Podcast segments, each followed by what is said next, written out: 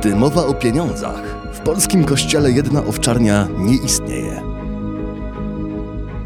Prawda rozciąga się między bogactwem największych diecezji, a wstydliwie skrywaną sytuacją najbiedniejszych parafii. Religia w szkołach jest w tej chwili w Polsce, można powiedzieć, być albo nie być dla bardzo wielu księży i moim zdaniem również dla kościoła instytucjonalnego, bo on musiałby, gdyby tej religii nie było, i gdyby nie była finansowana przez państwo w takim wymiarze, w jakim jest, to musiałby dokonać bardzo bolesnego przeliczenia swoich zasobów i możliwości funkcjonowania. Czego nie wiemy o finansach Kościoła?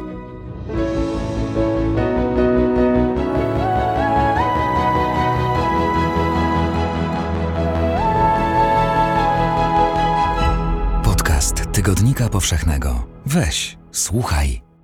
Nie wiem jak Państwo, ale ja się nie mogę nasłuchać. To są nowe dźwięki, a przecież zupełnie dobrze znane. Dżingiel naszego podcastu i podkłady muzyczne zostały właśnie odświeżone przez ich twórcę specjalnie dla tygodnika. Skomponował je Michał Woźniak, znakomity muzyk, kompozytor, autor muzyki do takich filmów jak Pani z przedszkola czy Pan T. Dziękujemy, Michale. A podziękowania kierujemy też do Państwa, dobroczyńców podcastu Tygodnika Powszechnego w serwisie Patronite. To dzięki Waszej hojności możemy ten podcast utrzymywać i udostępniać Państwu bezpłatnie. Ja się nazywam Michał Kuźmiński, a dziś w studiu Tygodnika przy Dworskiej 1 w Krakowie jest ze mną dziennikarz ekonomiczny Tygodnika Marek Rabi. Dzień dobry, Marku. Dzień dobry, cześć. A w najnowszym numerze tygodnika na y, temacie tygodnika ukazuje się Twój tekst y, pod tytułem Kościół nierówności. Y, tekst, y, który jest raportem o właśnie temacie pełnym kontrowersji z jednej strony, pełnym stereotypów i uprzedzeń z drugiej strony, czyli o pieniądzach i to w dodatku jeszcze pieniądzach Kościoła katolickiego. Kościół nierówności, dlaczego? Oczywiście zaczęliśmy myślenie o tym temacie z chwilą, kiedy zdaliśmy sobie sprawę, że będąc w sumie bardzo blisko kwestii kościelnych, bo Tygodnik Powszechny stara się jednak e, być bardzo wyczulonym na tę, ten fragment rzeczywistości, e, bardzo niewiele, właściwie nic nie wiemy na ten temat. E, I takim momentem, który nam to uświadomił. Nawet my. Właśnie. E, był, e, była chwila, kiedy usłyszeliśmy, że w diecezji archidiecezji krakowskiej arcybiskup Jędraszewski wprowadza nową daninę. To się dokładnie nazywa podatek na utrzymanie, pokrycie kosztów diecezjalnych. Ta informacja oczywiście bardzo szerokim echem odbyła się, odbiła się w różnych mediach.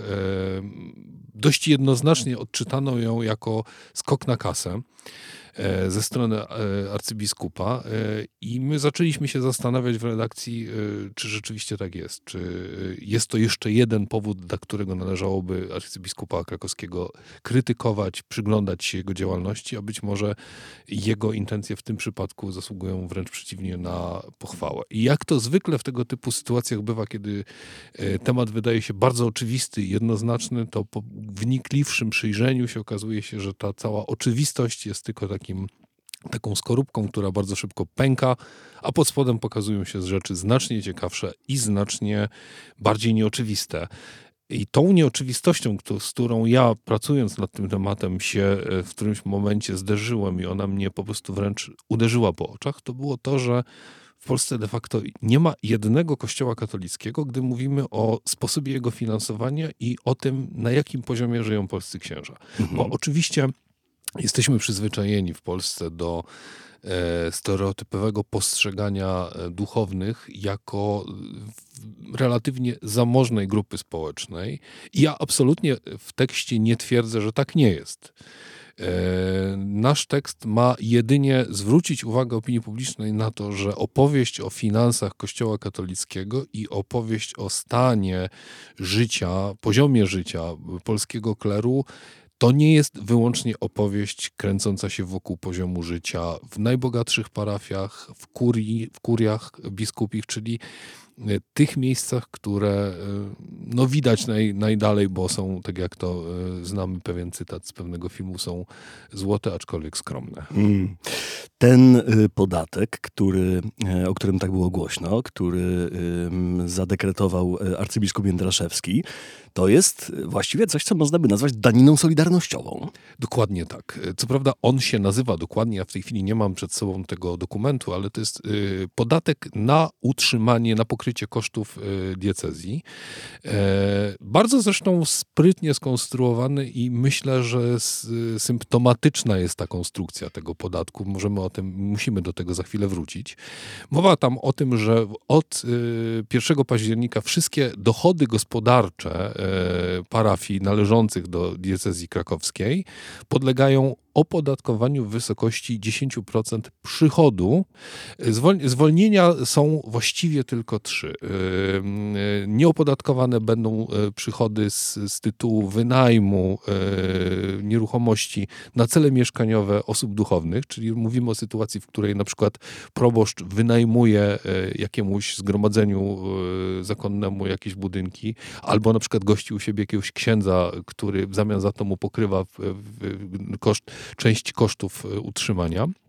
Drugi przypadek to jest e, dzierżawa gruntów e, rolnych należących do parafii w zamian za refundację podatku rolnego. Czyli mówimy o, po prostu o sytuacji, w której parafia nie czerpie żadnych przychodów z tego tytułu działalności, otrzymuje jedynie zwrot podatku, który musiałaby tak czy siak uiścić z tego tytułu, że jest po prostu posiadaczką ziemi. I jest jeszcze trzeci przypadek, dość interesujący, ponieważ on mówi, że przy, e, każda transakcja zbycia nieruchomości należącej do e, parafii będących w, w, w, pod kuratelą archidiecezji krakowskiej objęta jest podatkiem w wysokości 30%.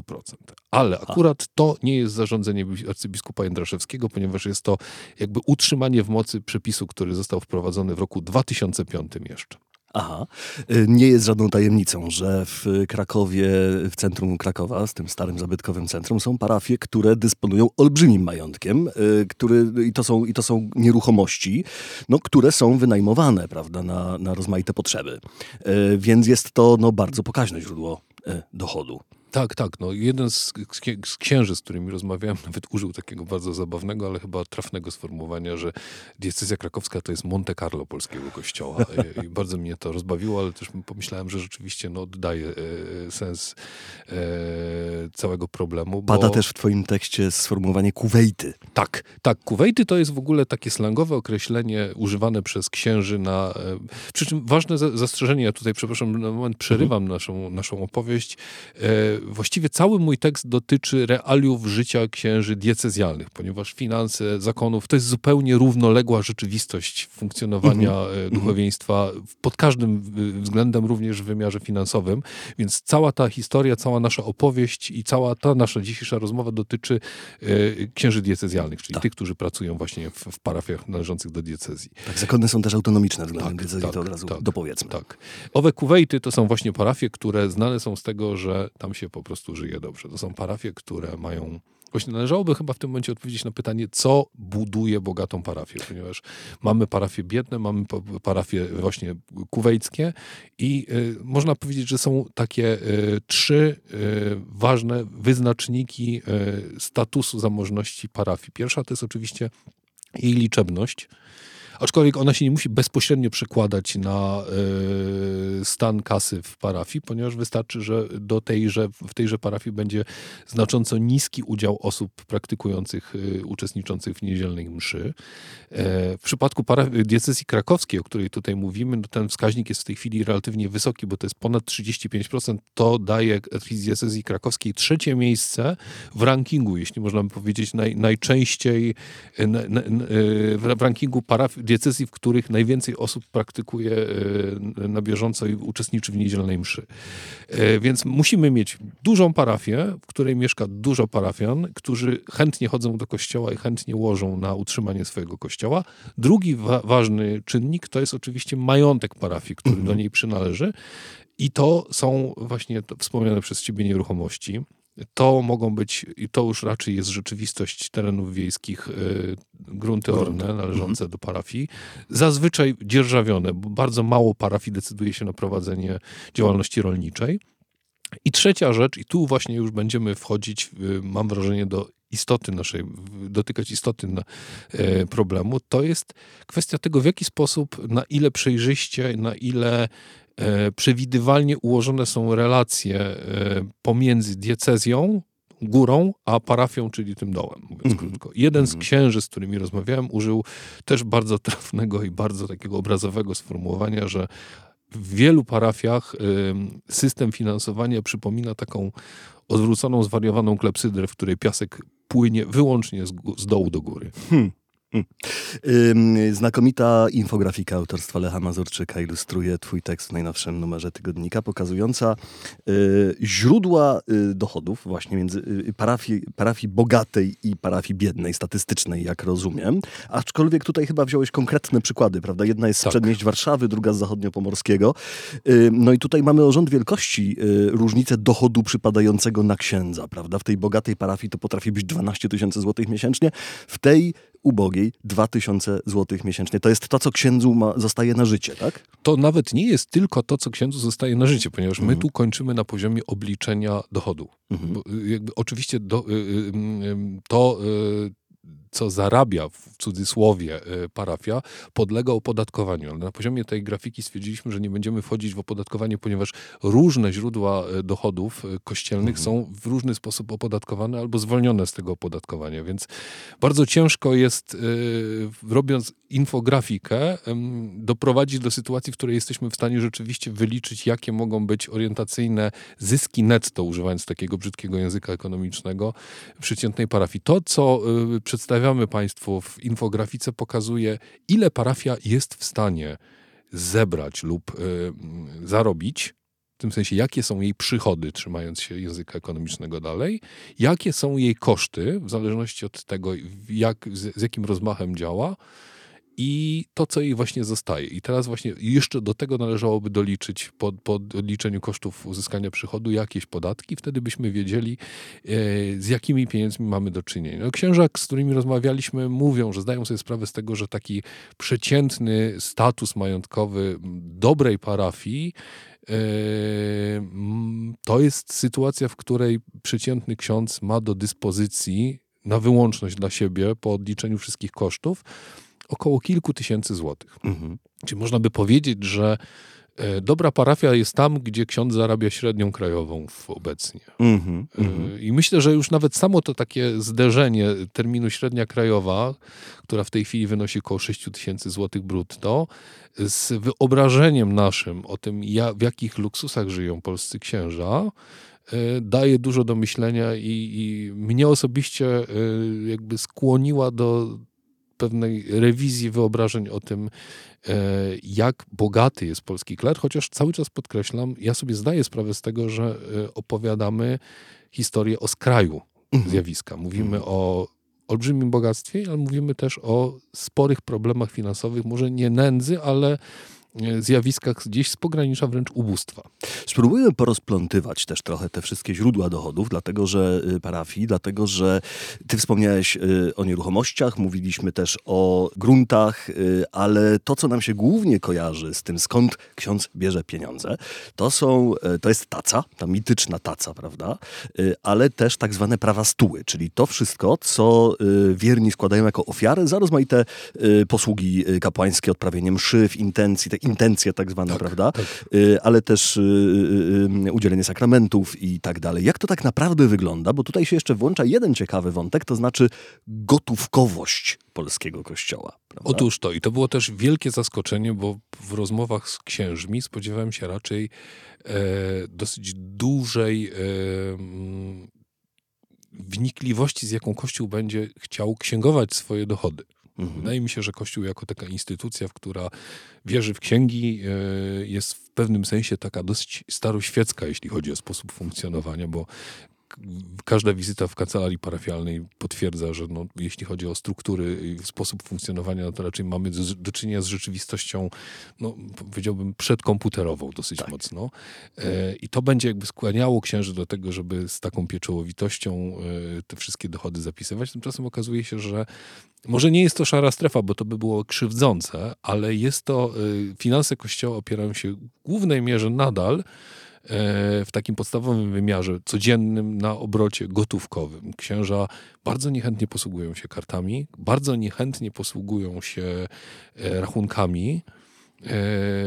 Bardzo chętnie za to rozliczają się gotówką. No dość wspomnieć, że właśnie jednym z dwóch sposobów e, przewidzianych w tym dekrecie arcybiskupa Jędraszewskiego na przelanie, na, na uiszczenie podatku jest właśnie przelew na konto diecezji lub wpłata w kasie kurii. Hmm. Co jakby z automatu oznacza, że pewni księża pewnych nawyków jednak nie zmienią i być może nawet będą gotowi pielgrzymować kilkadziesiąt kilometrów do centrali, żeby zapłacić w gotówce.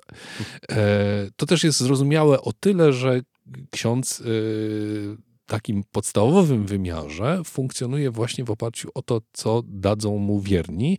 I oczywiście możemy się zrzymać i oburzać, że, że jest to y, tak, a nie inaczej skonstruowane, ale... Że paragonu nie wydają, prawda? No więc właśnie, ale to jakby jest pewien... Y, to jest dziedzictwo pewnej tradycji w Kościele, która y, gdzieś tkwi chyba korzeniami aż w średniowieczu i która mm. zakładała, że parafia jest tak naprawdę mm, zdobyczą miejscowość, miejscowych ludzi. To, że y, Kościół w jakimś miejscu zakłada kościół i desygnuje tam proboszcza, e, wysyła tam proboszcza, e, to jest w pewnym sensie wyróżnienie. Ci ludzie muszą tego człowieka tam utrzymać. Mhm.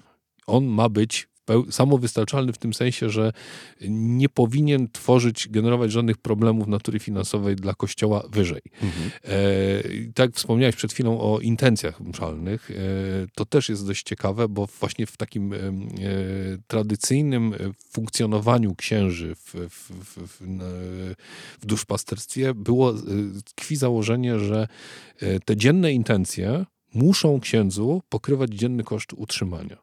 Więc w pewnym sensie można powiedzieć, że zyskujemy, y, czytając to w ten sposób, zyskujemy odpowiedź na odwieczne pytanie, ile wynosi co łaska. No cóż, co łaska wynosi tyle, ile ksiądz potrzebuje, żeby dziennie przeżyć. Jaki by to był dzisiaj dzienny koszt y, versus to, co tak naprawdę księża mogą no dostać no z tytułu praw stóły? Właśnie, no, należałoby się zastanowić rzeczywiście, ile, jaki jest realny koszt, dzienny koszt utrzymania. Mhm. E, nie podejmę się absolutnie wyliczenia tego. Mogę tylko podzielić się e, taką taką obserwacją, z którą, którą usłyszałem od jednego z byłych księży, który mówił, że niestety księża w, w Polsce, których zobowiązuje się do tego, żeby żyli na poziomie swoich parafian.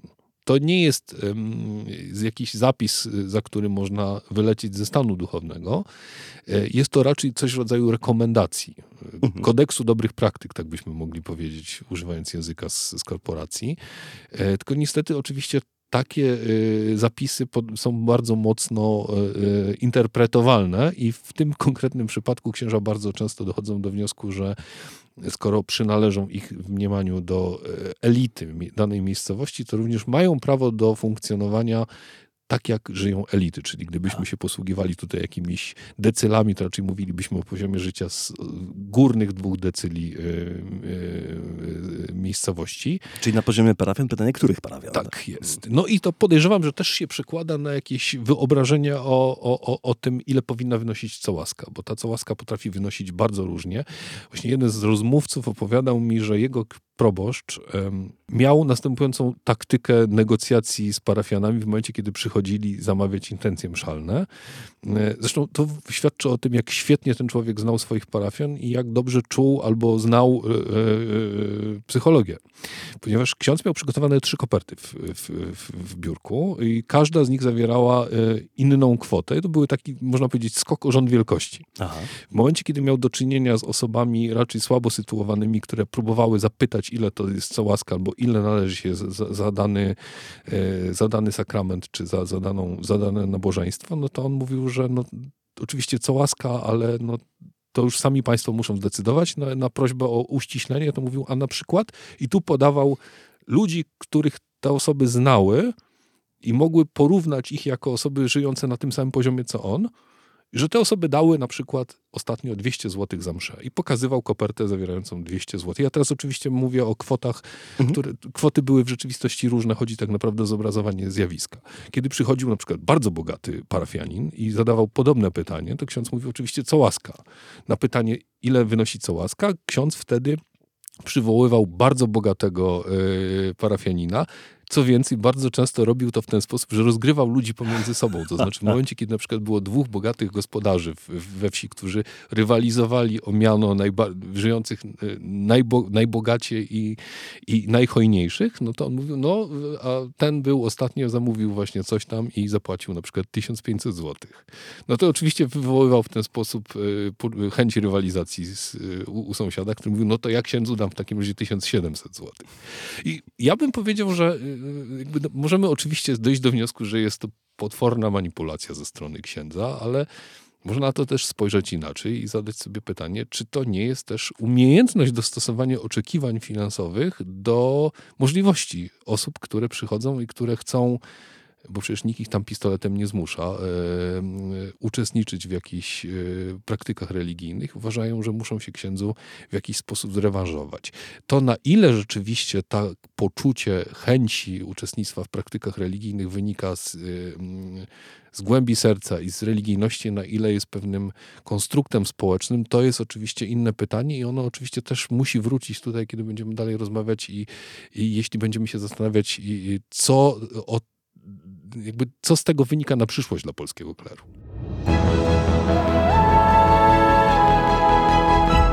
To nie wszystko, co dla Ciebie mamy. Kup Tygodnik Powszechny na stronie tygodnikpowszechny.pl i sprawdź swoją zniżkę z kodem podcast. Bo w tym wszystkim, oczywiście to, to anegdoty to jest jedna sprawa, ale yy, powtarza się często taki rodzaj, yy, no właśnie, poczucia niesprawiedliwości, być może, być może zniesmaczenia wręcz, że w świecie, w którym jesteśmy wszyscy bardzo drobiazgowo rozliczani przez fiskusa, jesteśmy wszyscy poddani jednak dość dużej kontroli, każdy zakup, prawda, wiąże się z wydaniem paragonu, z fiskalizacją i tak dalej, i tak dalej. Istnieje taki ogromny y, rejon naszej rzeczywistości, ważnej, y, w którym dalej mamy do czynienia właśnie z cołaską, z obiegiem gotówkowym, z nietransparentnością, również taką nietransparentnością nie tylko jakby wobec państwa, państwa i popraw mnie, jeśli się mylę i stereotypizuję, y, ale też taką transparentnością wobec na przykład własnej parafii. No bo to, to, to ten ideał, do którego się odwołujesz, prawda, że parafia powinna utrzymać swojego księdza. No dzisiaj też można, można uwspółcześnić, powiedzieć, że to jest dobro wspólnoty, prawda, że to wspólnota chce mieć swojego duszpasterza, chce być wspólnotą, utrzymywać swoje y, dobro wspólne.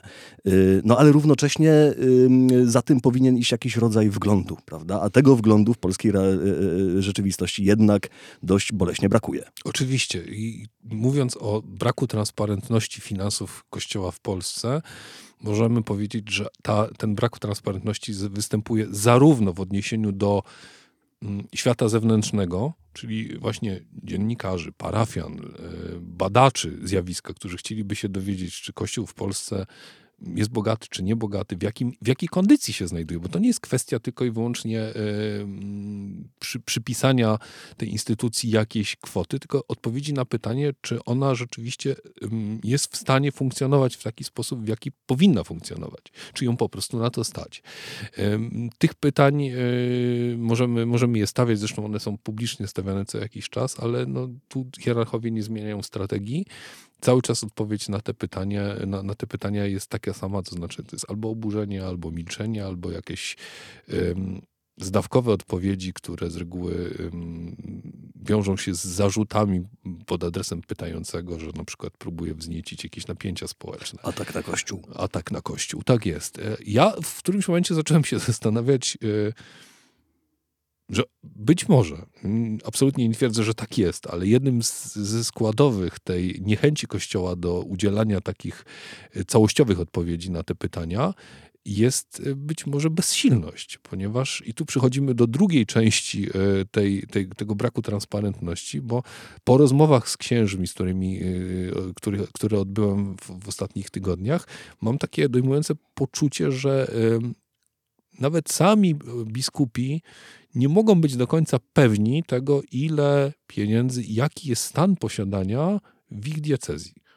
E, proszę też zwrócić uwagę, że jednym z elementów, który jest przypisywany temu dekretowi arcybiskupa Jędraszewskiego przez księży, e, to jest takie przekonanie, że poza znalezieniem pieniędzy na pokrycie różnic w, w, poziomie życia pomiędzy biednymi a bogatymi parafiami, poza tym, że to oczywiście da arcybiskupowi bardzo realną władzę w jeszcze jedno narzędzie nacisku na, na księży i uczynienie ich może nie tyle posłusznymi, bo oni muszą być posłuszni, ale też y, urealnienie im, uświadomienie im tego, że ta, to posłuszeństwo może im się po prostu opłacać.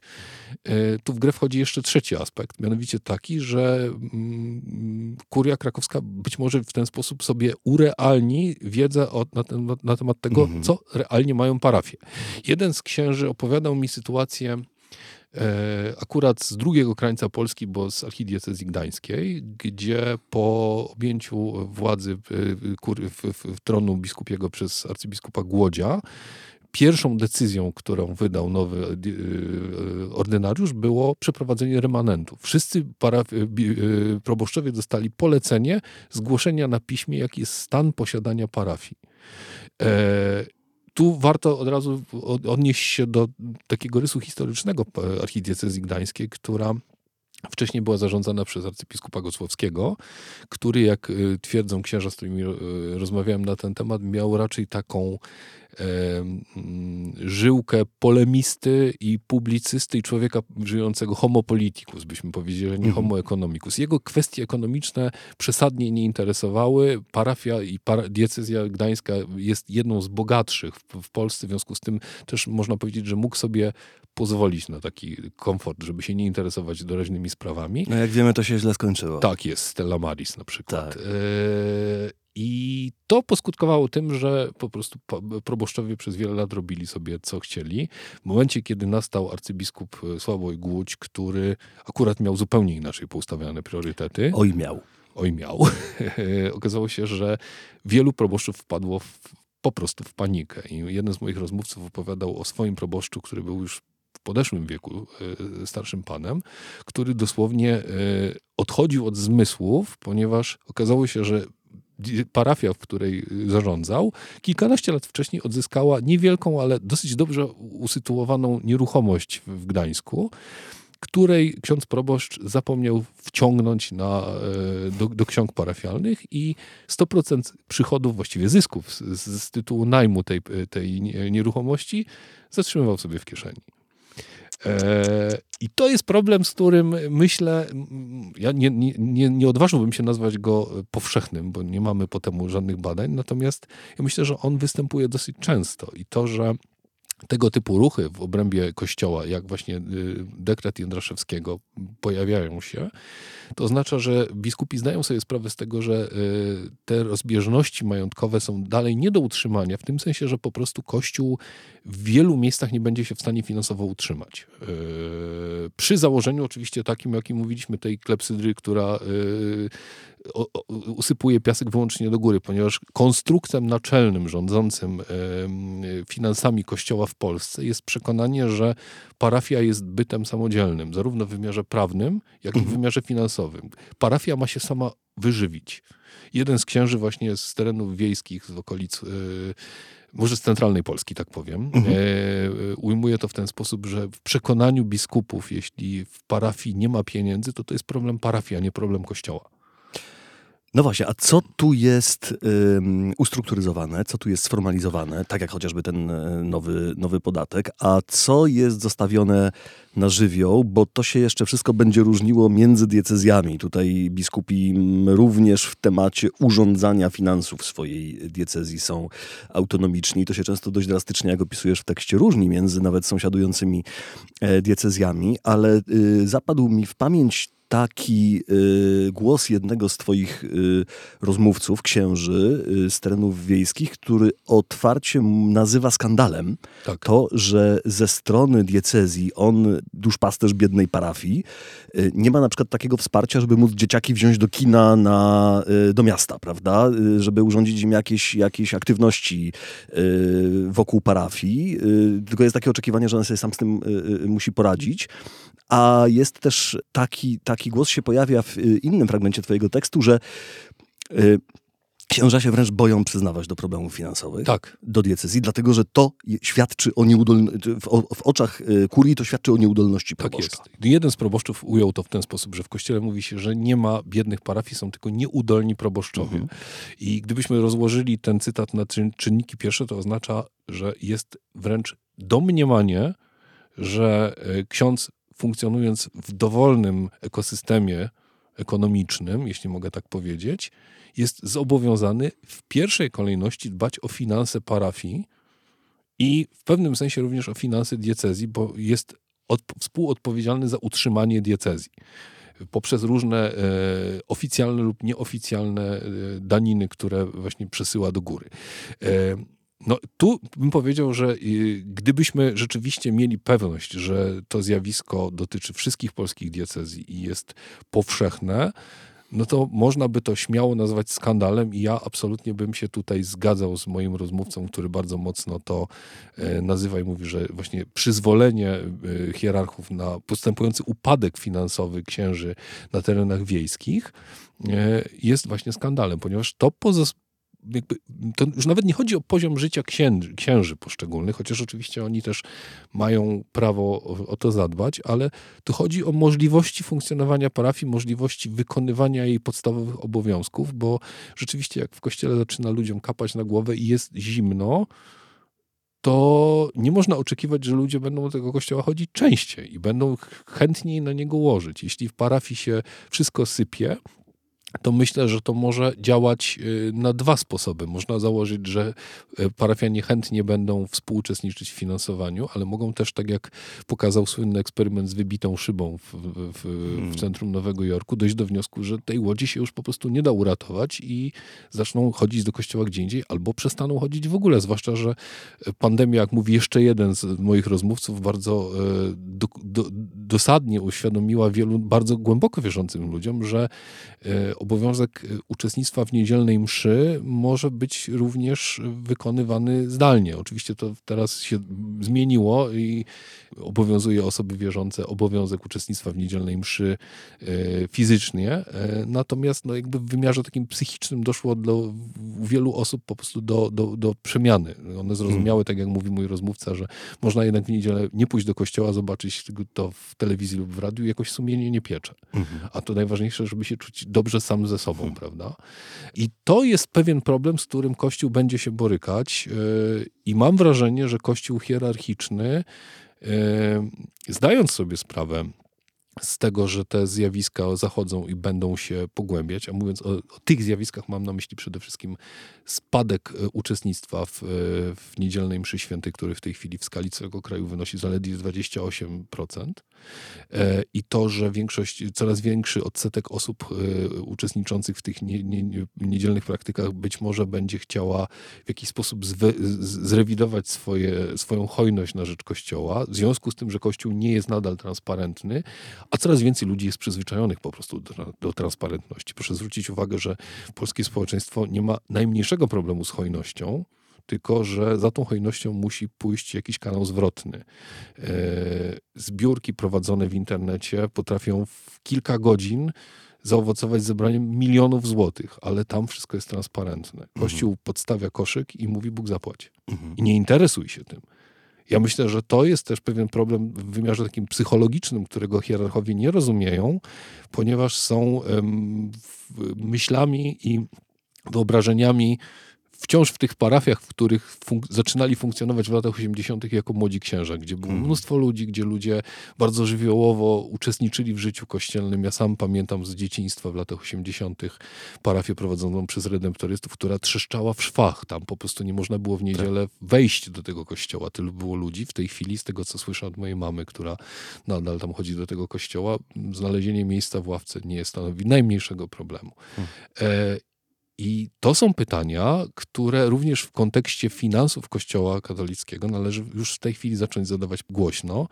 No chyba, że przyjmiemy za dobrą monetę, że strategia, którą Kościół wybrał, e, to znaczy współfinansowanie jego funkcjonowania przez państwo w różny sposób, to jest odpowiedź na wszystkie bolączki. To jest bardzo ważny wątek twojego tekstu. E, otóż e, wszystko to, co się wiąże z ze wsparciem państwa może mniej powinno się kojarzyć z tym, czym się kojarzy na pierwszy rzut oka, czyli funkcjonowaniem komisji y, kościelnej, tymi, tymi wszystkimi y, głośnymi skandalami, które się też z tym wiązały, ale z takim bieżącym funkcjonowaniem, to znaczy po prostu z tym, że ksiądz jest zatrudniony na etacie w szkole, y, jest gdzieś kapelanem, prawda, czy to w szpitalu, czy, czy w innej jednostce finansowanej z funduszy publicznych. I ty stawiasz bardzo mocną tezę w tym tekście, że gdyby nie to, to y, zapinanie się budżetów wielu parafii y, przestałoby być wręcz możliwe. Tak. To nie jest moja teza, to jest obserwacja moich rozmówców, mhm. którzy, przy, żeby była też, to, ta obserwacja jest przeprowadzona w, pewnym konkretny, w pewnej konkretnej sytuacji, w konkretnych warunkach. Czyli mówimy nadal o kościele, który jest przekonany, że parafia ma wyjść na zero, nie może liczyć na żadne formy subsydiowania z góry. Co więcej, y, biskupi nie widzą potrzeby, żeby rewidować swoje wydatki na poziomie właśnie kurii biskupiej. To zresztą niektórzy księża, ksiądz Isakowicz-Zalewski komentując arcy, dekret y, arcybiskupa Jędraszewskiego powiedział wprost, że on oczywiście e, e, nie podważa zasadności wprowadzenia nowego podatku solidarnościowego w archidiecezji krakowskiej, ale proponuje, żeby również ksiądz arcybiskup uczestniczył w tej solidarności. E, więc księża, z którymi rozmawiałem, są przekonani, że gdyby nie lekcje religii, które dają zatrudnienie na pół etatu, na cały etat. E, podliczyliśmy to dokładnie, bo to jest łatwe do przeliczenia na podstawie danych e, Ministerstwa Edukacji Narodowej. W tej chwili mamy w, Polsce około 44 tysięcy katechetów i nauczycieli etyki, z których 36% stanowią osoby duchowne, księża diecezjalni, księża zakonni oraz zakonnice. To są głównie e, księża diecezjalni. I ta mm, armia ludzi, jeśli można tak powiedzieć, mi się bardzo podoba sformułowanie z, z rocznika statystycznego Kościoła katolickiego, gdzie pojawia się sformułowanie siły apostolskie. Siły apostolskie. Siły apostolskie. Więc owe siły apostolskie. Siły specjalne. E, jeśli za, potraktować za dobrą monetę obliczenia y, Stowarzyszenia Świecka Szkoła, która po prostu zapytała 2,5 tysiąca polskich gmin, ileż to musicie wyłożyć na obecność religii w szkołach. Czyli to są nie tylko pensje dla katechetów i yy, nauczycieli etyki, ale też, jak rozumiem, wyposażenie salek, zadbanie o różne rzeczy. E, wyszło im, że to jest w skali e, całego kraju wydatek rzędu miliarda 100 milionów złotych rocznie. Więc biorąc pod uwagę, że około właśnie 36% e, z tej kwoty trafiałoby do duchownych, no to mamy proste wyliczenie, że z tytułu prowadzenia lekcji religii lub etyki Kościół w Polsce otrzymuje rokrocznie około 400 milionów złotych. Przy czym otrzymuje, to są kwoty, które jeszcze musi oczywiście, od których musi zapłacić podatek. Średnia, średnie wynagrodzenie katechety w jednym z województw, to było po prostu podliczone przez y, kuratorium. Y, co ciekawe, to było, jeśli dobrze pamiętam, województwo łódzkie, y, to było 4600 złotych netto. Czyli to są takie zarobki dobrego, doświadczonego nauczyciela. E, I teraz to jest bardzo też ciekawe, kiedy mówimy o funkcjonowaniu religii w szkołach i e, tym, dlaczego Kościół tak bardzo broni e, obecności religii w szkołach, bo mu się to po prostu opłaca i mhm. może dzięki temu utrzymać, przenosząc część kosztów utrzymania kleru właśnie tam, gdzie, gdzie jest coraz trudniej na państwo. Mhm. To jest taki bypass po prostu. E, to paradoksalnie również jest oceniane bardzo pozytywnie i wysoko przez samych księży, co opowiadał mi jeden z moich rozmówców, e, były duchowny i obecnie nauczyciel w jednej ze szkół średnich. I on mówi, że dla księdza możliwość funkcjonowania w środowisku nauczycielskim e, to jest tak w pewnym sensie urealnienie jego umiejętności, ponieważ księża żyją w dojmującym przekonaniu, że oni poza e, umiejętnościami możliwymi do wykorzystania wyłącznie w życiu jako duchowni nie posiadają żadnych umiejętności. I w sytuacji, kiedy hmm. wylecą, mówiąc kolokwialnie, poza kościół, nie będą mieć w ręku żadnego fachu. Nagle okazuje się, że zawód nauczyciela, nawet religii, zdobycie jakichś umiejętności yy, pedagogicznych, czy nawet potwierdzenie ich jakimiś studiami, czy, czy, czy szkoleniem, sprawia, że ksiądz jest trochę spokojniejszy, bo on ma zawsze jakiś plan B na siebie. Jak gdybym musiał odejść z kościoła, to mogę zostać nauczycielem. I złożymy te dwa, te, te dwa kawałki w całość, to zrozumiemy, że no, religia w Polsce, religia w szkołach jest w tej chwili w Polsce, można powiedzieć, być albo nie być dla bardzo wielu księży i moim zdaniem również dla kościoła instytucjonalnego, bo on musiałby, gdyby tej religii nie było, e, i gdyby nie była finansowana przez państwo w takim wymiarze, w jakim jest, to musiałby dokonać bardzo bolesnej, e, bardzo bolesnego przeliczenia swoich zasobów i możliwości funkcjonowania, zwłaszcza na głębokim, w głębokim terenie. To może, skoro tutaj tak się ujawnia zależność finansowa y, od funduszy publicznych Kościoła, należałoby pójść na całość i odwołać się do takiego systemu, jaki na przykład obowiązuje w Niemczech. Ta, ten argument wraca co jakiś czas jako, jako przykład tego, jak to mogłoby funkcjonować, że y, osoby, które, podatnik, który deklaruje się jako wierzący y, i wierny członek danego kościoła, po prostu odprowadza na jego rzecz Kirchensteuer, prawda, czyli podatek kościelny. Y, jeżeli go nie odprowadza, no to automatycznie jest wypisywany ze wspólnoty tak. i tak dalej. Czy taki model jest Twoim zdaniem w Polsce do wyobrażenia? I właśnie to jest chyba jedno z większych zaskoczeń moich osobistych w trakcie pracy nad tym tekstem, bo ja oczywiście e, przystępując do niego miałem pewien e, zestaw założeń, nie, nie, nie tez, ale pewnych założeń wyjściowych, które chciałem sobie zweryfikować lub sfalsyfikować. E, jedną z nich to było właśnie odpowiedź na pytanie, na ile realne są te oczekiwania, które padają ze strony zwolenników świec, rozdziału Kościoła od państwa, żeby w Polsce wprowadzić taki transparentny system, w którym za y, uczestnictwo, za obecność Kościoła w sferze publicznej w jakiejkolwiek formie płacą osoby, które uważają się za członków tego, tegoż Kościoła. Wydaje się, że ten pomysł nie ma słabych stron, prawda? No bo mhm. jesteś katolikiem, płacisz y, na, na swój Kościół, jesteś ewangelikiem, płacisz na swój Kościół, jesteś ateistą, nie płacisz na żaden Kościół, ale tak naprawdę też nie interesuje cię, co Kościół robi ze swoimi pieniędzmi, bo to nie są twoje pieniądze. E, sprawa, sprawa jest jasna. Tylko w trakcie pracy nad tym tekstem i po rozmowach z księżmi nagle zacząłem mieć wątpliwości, czy to jest, czy to jest pomysł rzeczywiście oczekiwany przez bardzo szeroką rzeszę polskich katolików. E, I z czego wynikają moje wątpliwości? Ano z tego, że po pierwsze oczywiście zauważyłem, że tego typu e, postulaty padają głównie z lewej strony sceny politycznej, co jest zrozumiałe, bo tam jest właśnie najwięcej zwolenników e, rozdziału Kościoła od państwa.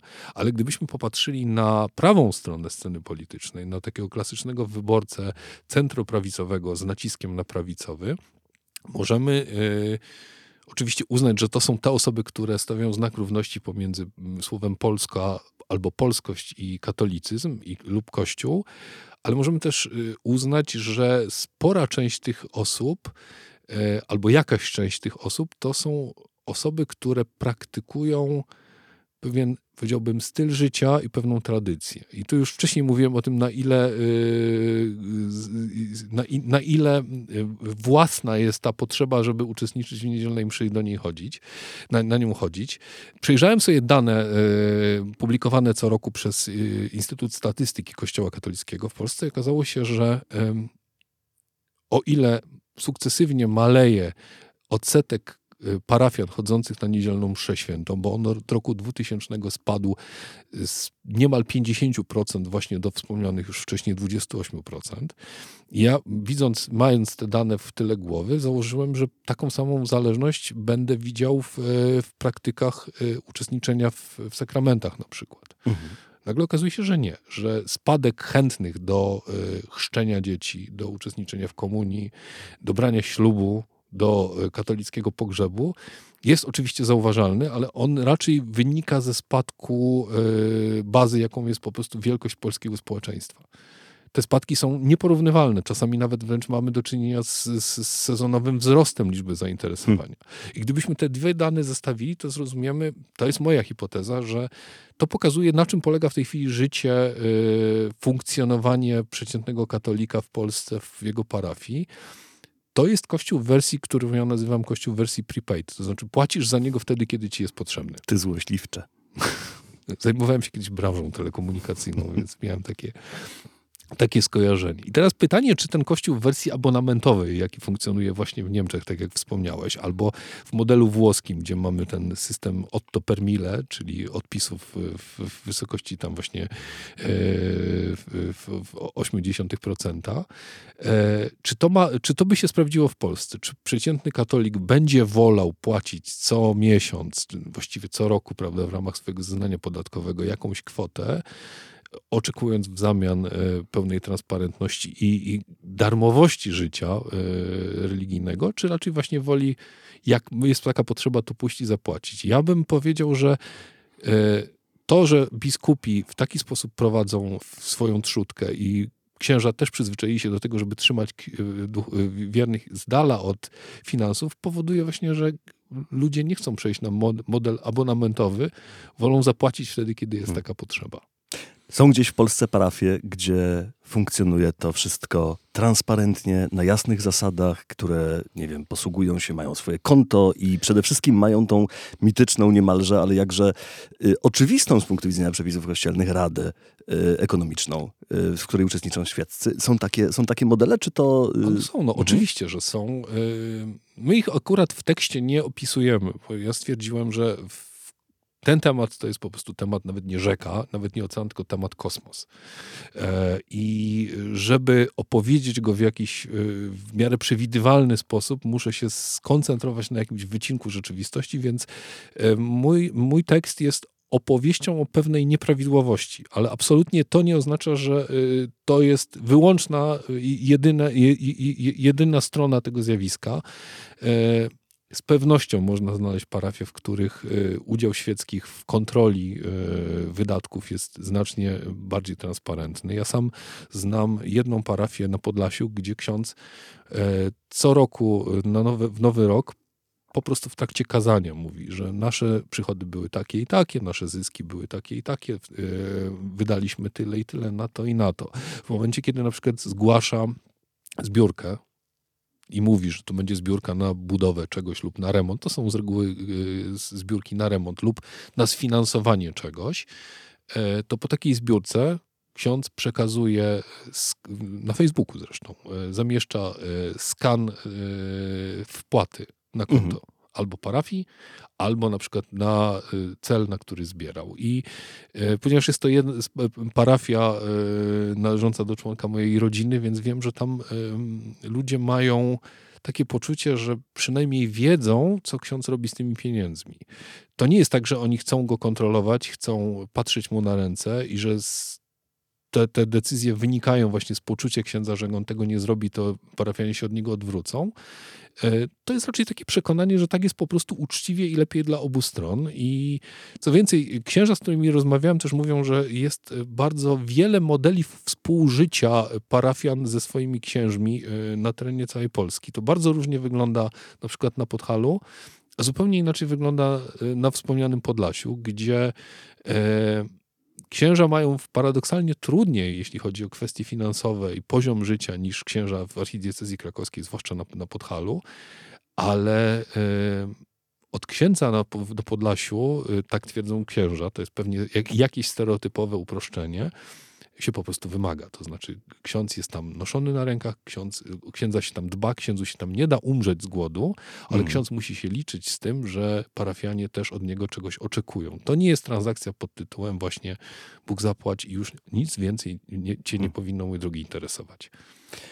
Dużo więcej na ten temat mogą Państwo przeczytać w najnowszym wydaniu e, Tygodnika Powszechnego w okładkowym tekście pod tytułem Kościół Nierówności. Tak jest. E, a jego autor Marek Rabi był dzisiaj Państwa i moim gościem w podcaście Tygodnika Powszechnego. Marku, bardzo serdecznie Ci dziękuję. Dziękuję bardzo. Ja się nazywam Michał Kuźmiński i zapraszam Państwa również do serwisu tygodnikpowszechny.pl. Jeżeli Państwo zdecydują się na e, wykupienie dostępu do tego serwisu, też wspomagają Państwo podcast powszechny, który, który ma dla Państwa dzisiaj nowe, zupełnie nowe jingle. Posłuchajmy ich jeszcze raz.